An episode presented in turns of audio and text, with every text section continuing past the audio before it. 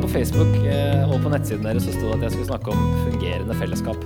Og det var jo det jeg ble enig med Rune om å skulle kalle det. Men når jeg så det skrevet der, så var det sånn At jeg skulle være en sånn fellesskapsutvikler som kom på besøk, liksom. Så det er veldig rart å se akkurat de to ordene sammen med mitt navn. Da. For det, det tror jeg hadde gått skikkelig dårlig hvis jeg skulle være en sånn fellesskapsutvikler. Men jeg kan få snakke om hva Bibelen sier om et fungerende fellesskap. Og Bibelen den snakker jo om eh, Forhåpentligvis så snakker Bibelen om alt det vi eh, snakker om si, i menighetssammenheng. Sånn at jeg kan alltid liksom legge fram hva sier Bibelen, og så kan noen andre ta det videre ut i eh, enda mer praksis da, enn det vi skal se på i dag. Men Bibelen sier jo ganske mye da, om menighet og hva som er viktig i det kristne fellesskapet. Paulus skriver jo veldig mange brev til menigheter der han forteller om hvordan det skal funke. og dette må dere fikse opp i, for det her funker ikke. Og Det er jo alt fra nådegaver til uh, god administrasjon. Vi kunne jo snakka om veldig mye. Sikkert mange ting som er viktig for at et fellesskap skal fungere. Og vi vil jo at fellesskapet skal fungere. Men da begynte jeg plutselig å tenke på hvorfor skal det egentlig fungere? Hvorfor vil vi egentlig at menighetens fellesskap skal være bra? Er det ren egoisme for at vi skal ha det fint sammen når vi møtes? Ehm, er det sånn at det skal være ok og ikke altfor ukomfortabelt å komme på gudstjeneste eller møte og få høre en tale og få være med i lovsang fordi folka ikke er så aller verst? Er det derfor det bør funke? Skal fellesskapet være så bra at vi vil komme, sånn at vi ikke mister troen? Ja, det er sikkert viktig, det òg, men det er ikke akkurat sånn Jesus faktisk eh, beskriver det. Han gir en annen grunn til at fellesskapet skal fungere. Så selv om det er mange ting som sikkert er viktig, så, og Bibelen snakker om mange ting som kjennetegner et fungerende fellesskap, så er det likevel noe som eh, jeg får inntrykk av er det aller viktigste. Og det snakker Jesus om i siste halvdel av Johannes evangeliet, når han på på skjærtorsdag har da en lang tale som går over fem kapitler. 13, 14, 15, 16, 17. Ja. Eh, som er da en lang eh, sånn siste tale, skråstrek dialog med disiplene om hva som er viktig nå når han ikke kommer til å være der mer. Hva er det spesielt viktig å huske på? Og da sier han eh, bl.a. et poeng, da. Et nytt bud gir jeg dere. Dere skal elske hverandre. Som jeg har elsket dere, skal dere elske hverandre. Ved dette skal alle forstå at dere er mine disipler, at dere har kjærlighet til hverandre.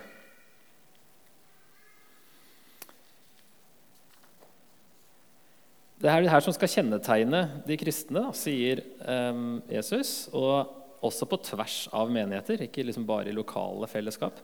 Og det her virker som det var de kristnes rykte på 200-tallet, i hvert fall, for det er en som heter Tertullian, en av kirkefedrene, som sa om hvordan folk oppfatta de kristne den gangen. Se, sier de, hvordan de elsker hverandre, for selv hater de hverandre.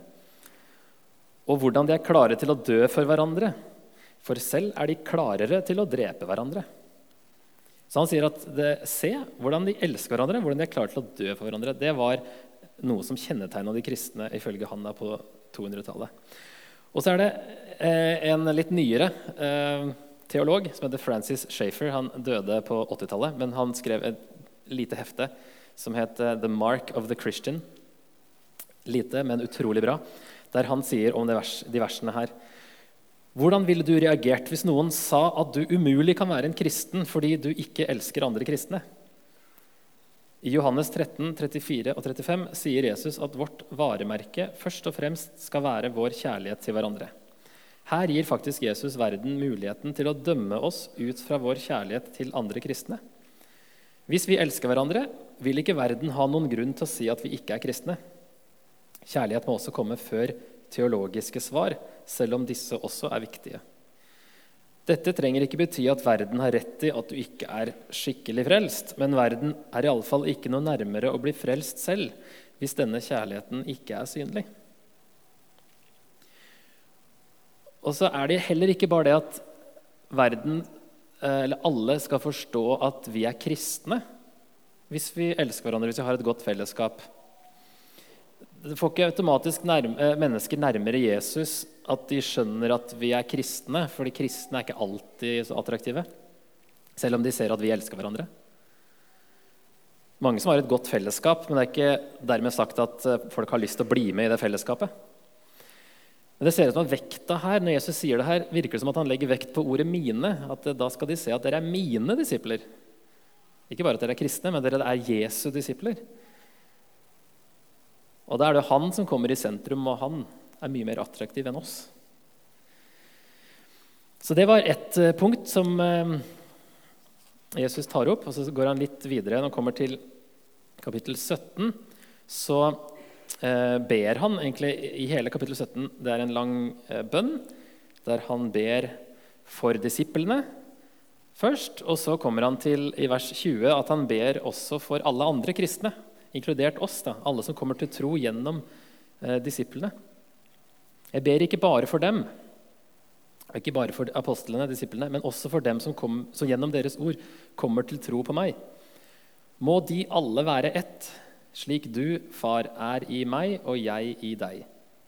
Slik skal også de være i oss, for at verden skal tro at du har sendt meg. Den herligheten du har gitt meg, har jeg gitt dem, for at de skal være ett, slik vi er ett. Jeg i dem og du i meg, så de helt og fullt kan være ett. Da skal verden skjønne at du har sendt meg, og at du elsker dem slik du har elsket meg. Det er jo sånn filosofisk dypt her, så du må ta det litt rolig og tenke over hva er det som sies her.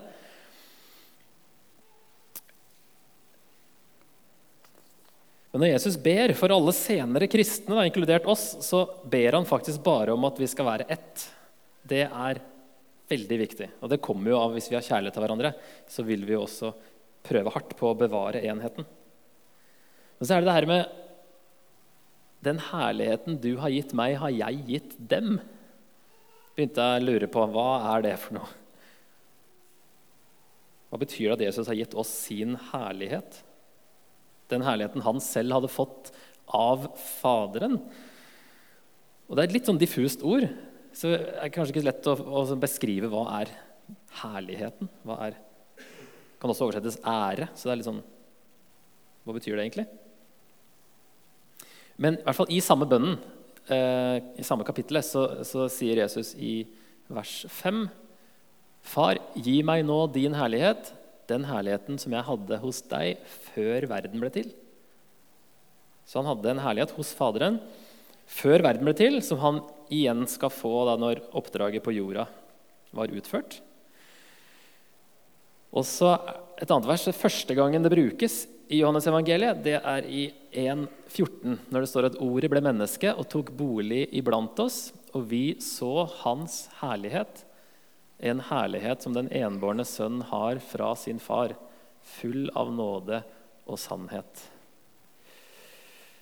Um, altså, den vanligste forståelsen i Gammeltestamentet det er Guds herlighet. Det er nesten det samme som Guds nærvær. Det var denne skyen som tok bolig i telthelligdommen i andre Mosebok. Når de hadde bygd teltet, så flytta Gud inn med Guds herlighet. står Det Det var liksom Guds nærvær.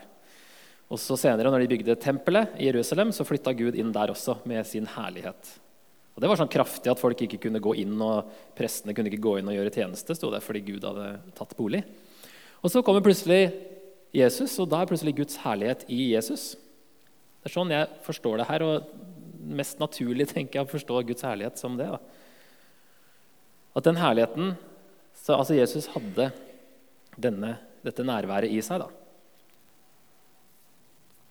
Og så gir han denne herligheten videre til menigheten, til oss. Og det er jo en sannhet som står mange andre steder i Bibelen nå, at vi er eh, Guds bolig. Altså vi er det åndelige tempelet. Nå bor Gud i oss. Bor ikke lenger i et fysisk tempel.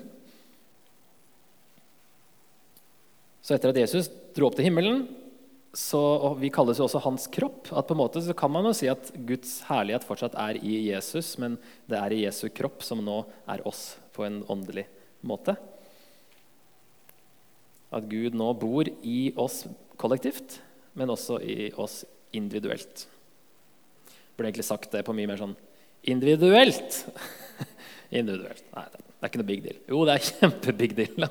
Gud bor i oss. Og så står det altså, hvorfor han gjorde det. Den herligheten du har gitt meg, har jeg gitt dem for at de skal være ett, slik vi er ett. Jeg i dem og du i meg, så de helt og fullt kan være ett. Jesus skal være i oss, og vi skal være ett. Og da, Konsekvensen av det er at verden skal skjønne to ting. De skal skjønne at Jesus faktisk er Guds sønn. Verden skal skjønne at du har sendt meg. Det er faktisk Gud som har sendt Jesus. Han er ikke hvem som helst. Det skal være en evangeliserende funksjon. Når vi er ett og elsker hverandre, så skal verden skjønne at Jesus er Guds sønn. Og så skal de også skjønne at du elsker dem slik du har elsket meg. Da forstår jeg 'dem' der som må være fortsatt oss, ettersom verden omtales bare som verden. Han elsker jo hele verden. Det sier jo Johannes 3, 16. Men her så skal folk se Det er en slags sånn identifiserende funksjon. Vi skal bli gjenkjent som Guds folk. Og det er det samme som han sa i kapittel 13, at de skal se at vi er hans disipler, Jesu disipler, at vi er Guds folk. Og det er egentlig litt vilt, det her, da. Litt sånn, Jeg følte det blir sånn kristenmystikk som jeg egentlig ikke har noe peiling på. Men det ser ut som vi liksom dras inn i Guds kjærlighet og Guds enhet. Inn i den kjærligheten som Faderen og Sønnen har. og inn i den enheten de har. På en måte så dras vi inn i kjærligheten og enheten som Gud, den treenige Gud har i seg selv. Det kan vi meditere over hva det betyr.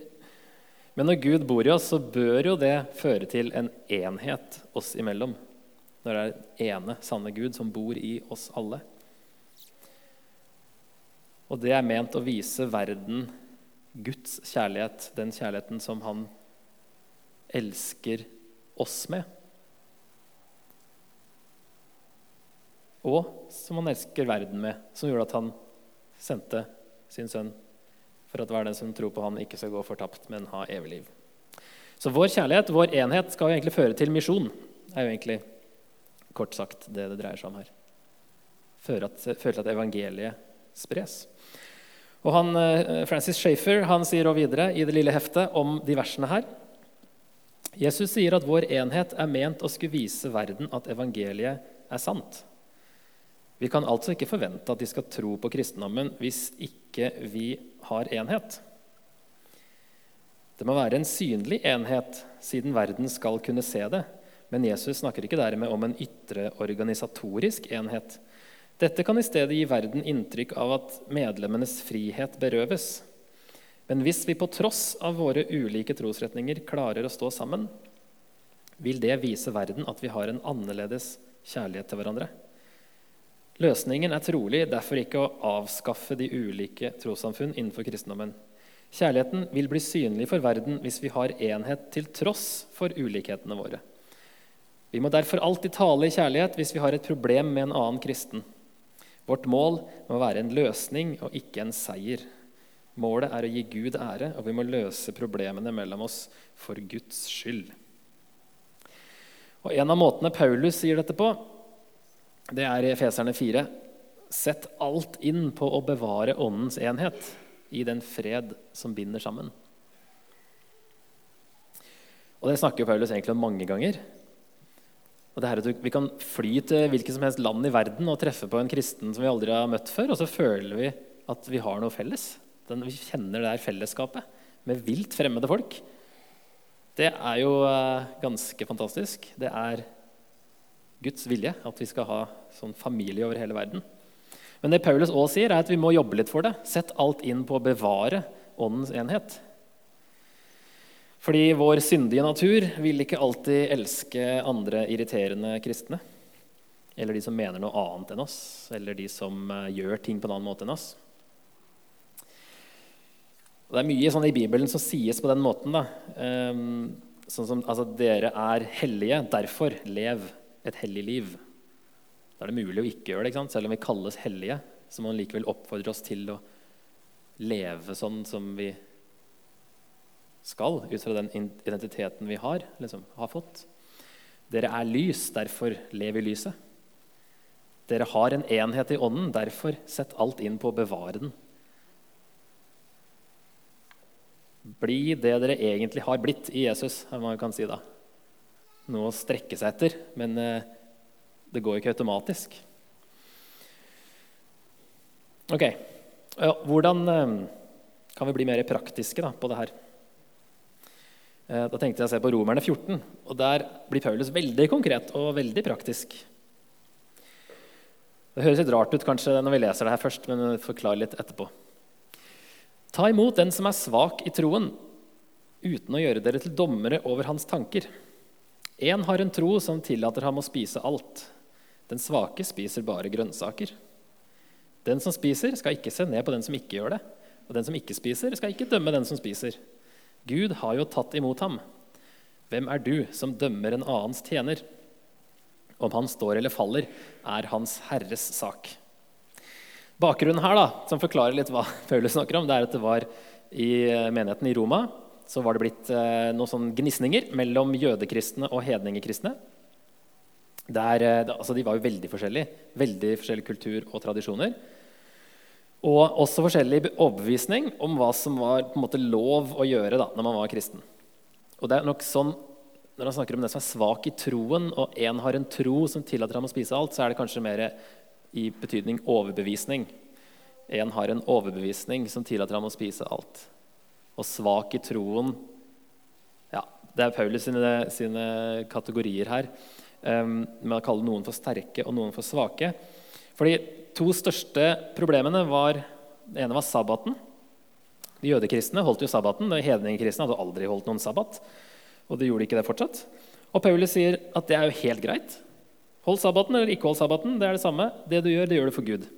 Så i vers 5 eh, oh ja, Ok, det er bare til vers 4 her. vers 5. Én gjør forskjell på dager, en annen holder alle dager for like. La enhver være fullt overbevist om sitt syn, sier han. Den som legger vekt på bestemte dager, gjør det for Herren, og den som spiser, gjør det for Herren, for han takker Gud. Den som ikke spiser, gjør det for Herren og takker Gud. Det var vers 5 og 6, som ikke har kommet med her.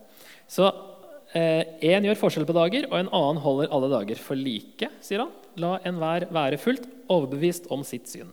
Helt greit. Sabbat eller ikke sabbat. Og den andre tingen det var sånn eh, kjøtt og vin for så vidt, som hadde blitt ofra til avguder og siden solgt på torget. Og så var det spesielt de jødekristne som da hadde store kvaler med å spise det kjøttet her i det hele tatt, for det hadde vært liksom i kontakt med avguder. Det kalles ofte avgudskjøtt. Så De spiste jo ikke kjøttet, disse avgudene, men uh, man ofra liksom til avgudene, og så solgte man kjøttet etterpå. Men da var det liksom blitt litt forurensa, da.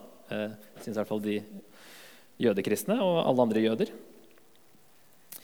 Um, og det ser vi jo òg at um, i Daniel 1, når, eh, Daniel kapittel 1, når de kommer til Babylon og de blir tilbudt da, å spise med kongens bord, så sier de at nei, vi vil ikke gjøre oss urene med eh, det kjøttet her og vinen fra kongens bord. Det er sikkert urent kjøtt òg, men det var også en kobling til de babylonske gudene. Og Det de velger da, er jo å si at eh, test oss heller i ti dager på bare vann og grønnsaker. Og det virker som det de gjorde, Når de ikke kunne vite helt sikkert hvor kjøttet kom fra, så valgte de da eh, å spise bare grønnsaker for å helgardere seg. Og så drikke bare vann og ikke noe vin, i tilfelle det hadde hatt en sånn kontakt med avgudene.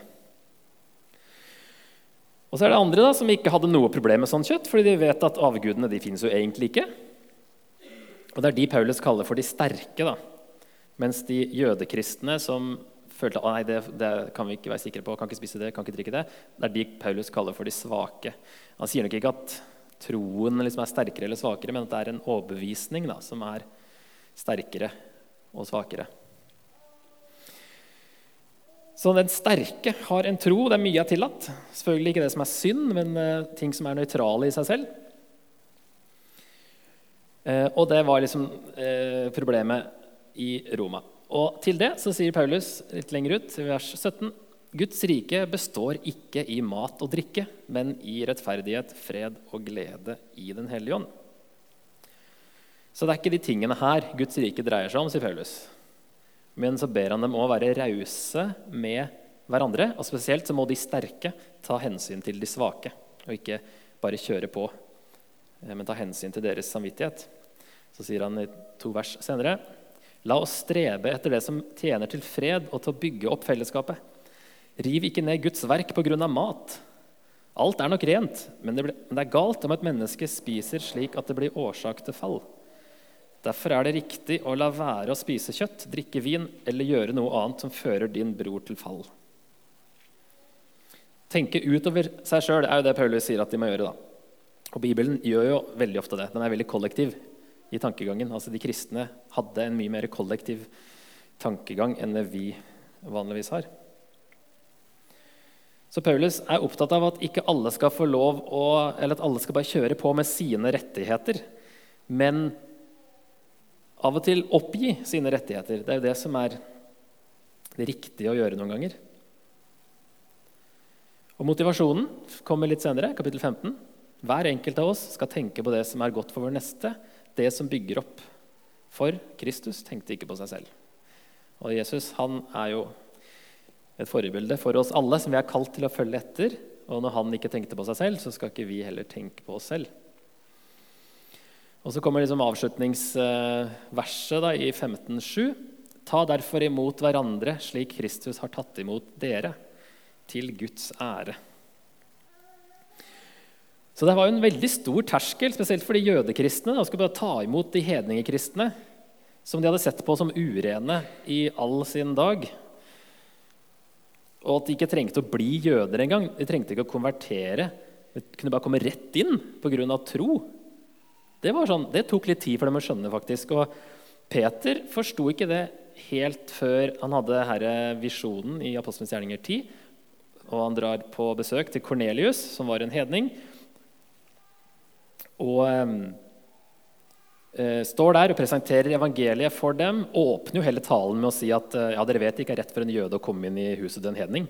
Og så, før han er kommet til slutten, så overrasker Gud dem alle med å eh, gi dem sin ånd mens Paulus fortsatt står og taler.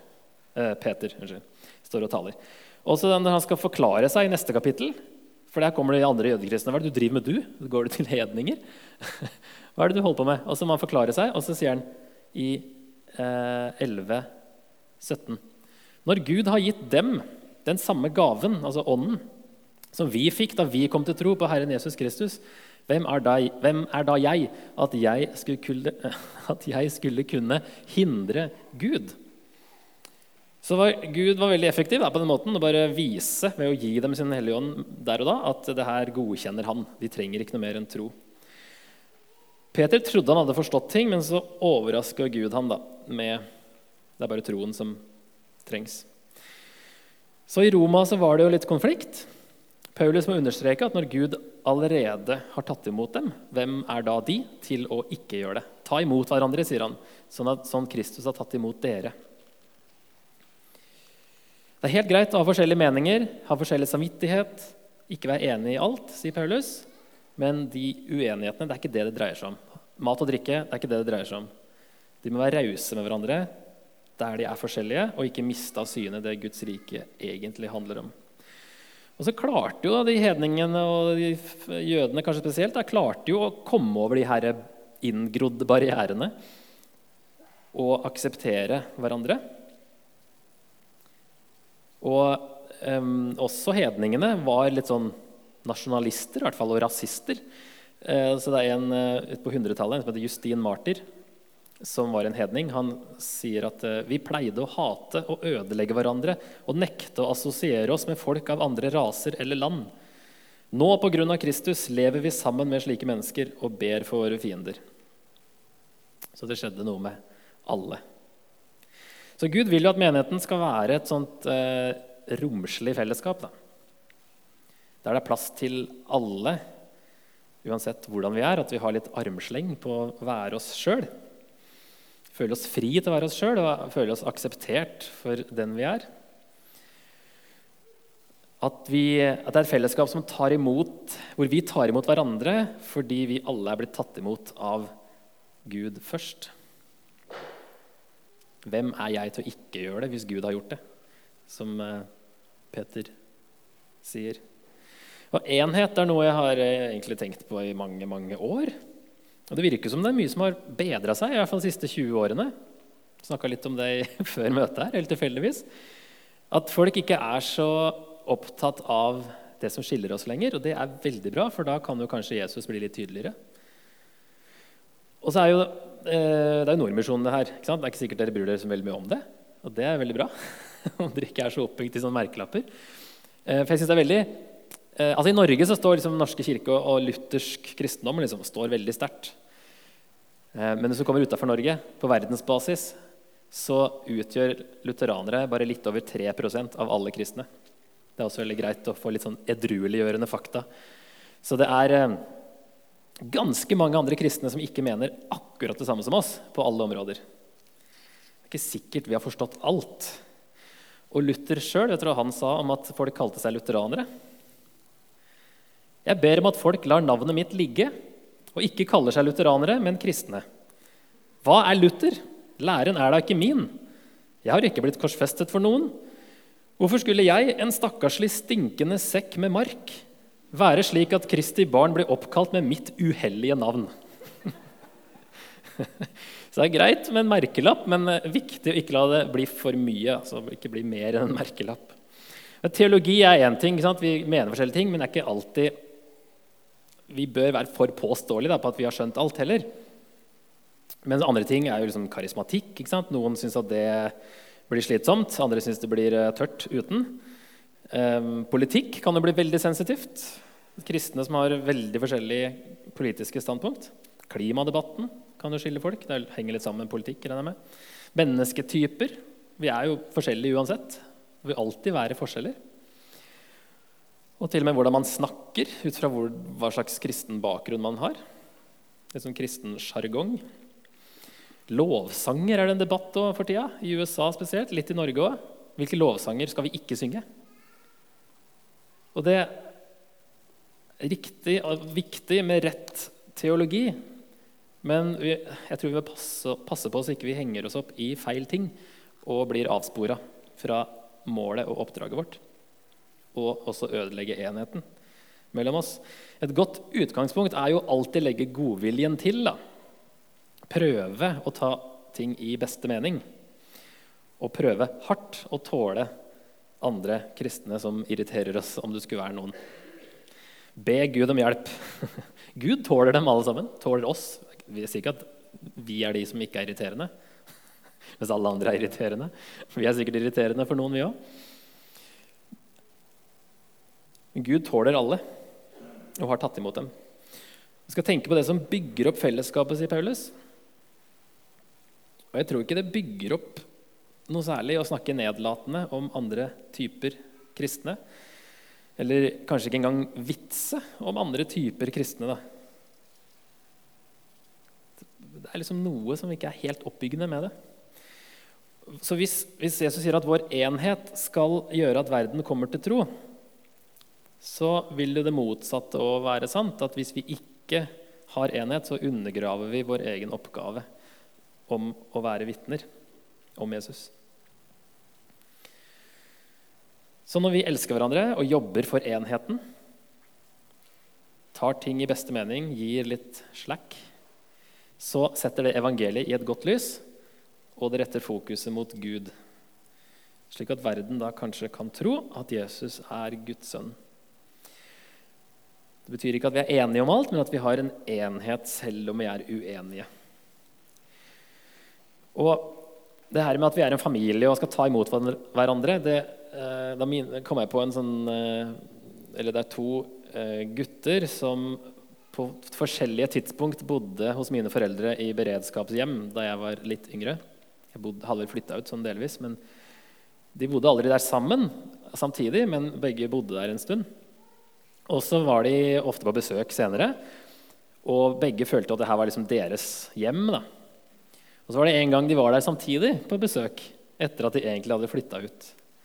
Og da syntes jeg det var litt gøy å observere hvordan de da de møttes i gangen og skulte litt på hverandre. Liksom, 'Hva gjør du her? Dette er mitt hus.' Og det er litt, En annen, annet bilde er litt sånn som når Donald og Mikke plutselig dukker opp i samme historie. Det skjer veldig sjelden. Vet dere det? De bor i samme by, men de møtes liksom aldri. Så når de plutselig er i samme historie, så er det kjemperart. Det synes Jeg jeg leste masse Donald før. da. Så, men altså, vi kan ikke skule på hverandre da, når vi møtes i Guds hus og lure på hva, hva gjør du her. Eller også sånn når vi møter hverandre i butikken, så er det liksom sånn Unngå for å slippe å hilse. Liksom. Hva er det for noe? Det er norsk, det er det. Men vi bør egentlig absolutt hilse på butikken også. Um, vi kan ikke være i en sånn Gud og jeg-boble hele tida. Altså, vi har en Gud og jeg-relasjon, men vi har ikke hver vår Gud og jeg-boble som vi skal være i hele tida. For Gud har egentlig bare én stor boble der vi er sammen. Jeg har blitt akseptert og tatt imot til å være Guds barn, ja, men det har jo alle andre òg. Så vi er ikke alene sammen med Gud. Og Gud ønsker jo at hans familie skal komme overens. da. Men nå er ikke poenget med talen her at vi skal ta oss sammen. Det er viktig å være klar over hva vi skal jobbe mot. Men i hvert fall ikke hele svaret at vi må ta oss sammen. Har du sett de reklamene som Atle Antonsen eh, kjefter på oss med resirkulering og sånn? Ta deg sammen! Liksom, jeg tenker at noen kan bli provosert. Jeg tenker at jeg blir litt provosert av måten han sier det på. Det er gøy. Men jeg vet ikke, altså Nå er jeg ganske flink til å resirkulere. i utgangspunktet. Men jeg vet ikke om det hadde hjulpet hvis jeg var uh, dårlig på at han uh, liksom sier det på en sånn Ta deg sammen nå. Det er i hvert fall ikke Bibelens måte å motivere på. da. Selv om uh, folk ofte får det inntrykket av at det er en sånn pekefinger. Men vi som menighet, vi er Jesu kropp. Og det er jo Jesus som bor i oss ved sin ånd, og som binder oss sammen. Så det er jo egentlig han som må ta oss sammen også. Så jeg tror ikke nøkkelen er å, at alt ligger på oss, at vi skal ta oss sammen, men at eh, det hjelper veldig å komme nærmere Jesus. Jesus er faktisk alltid svaret. Jeg i dem og du i meg, så de helt og fullt kan være ett jeg i dem, så de kan være ett. Det er han som gjør oss til ett, og når han er i oss, så har vi enhet. Og da blir Jesus større, vi blir mindre, og ulikhetene våre blir mindre. Hvis vi fokuserer rett vei og ikke på alle tingene som vi har med oss. Han vokser, vi avtar, og han blir mer synlig. Da blir det også tydelig at vi er hans disipler. At det er han det dreier seg om. Det dreier seg egentlig ikke om oss, det dreier seg om han. At det er han vi dreier oss om. Og da er verden litt nærmere å forstå at Jesus er Guds sønn. Så hva er et fungerende fellesskap? Et fungerende fellesskap er ikke et ekstremt hyggelig fellesskap av likesinnede. I bibelsk forstand så er ikke det et fungerende fellesskap som Jesus har ment det. Jeg har skrevet den siste, jeg tok litt av, bare ble én lang setning her. Men jeg slang den opp på skjermen, så vi kan uh, følge med. For det er liksom konklusjonen her. Da. Et fungerende fellesskap er et fellesskap som utviser Guds kjærlighet og enhet på tross av at vi er forskjellige på haugevis av måter. Og det er jo nettopp meningen at vi skal være forskjellige. Og at selv om vi mener forskjellige ting og tolker Bibelen forskjellig, så elsker vi hverandre likevel, slik at denne uvanlige kjærligheten fører til en helt spesiell enhet som gir oss troverdighet utad når vi snakker om Jesus, og mennesker blir overbevist om at Jesus er Guds sønn. Det er et fungerende fellesskap. Da tror jeg bare vi ber, jeg.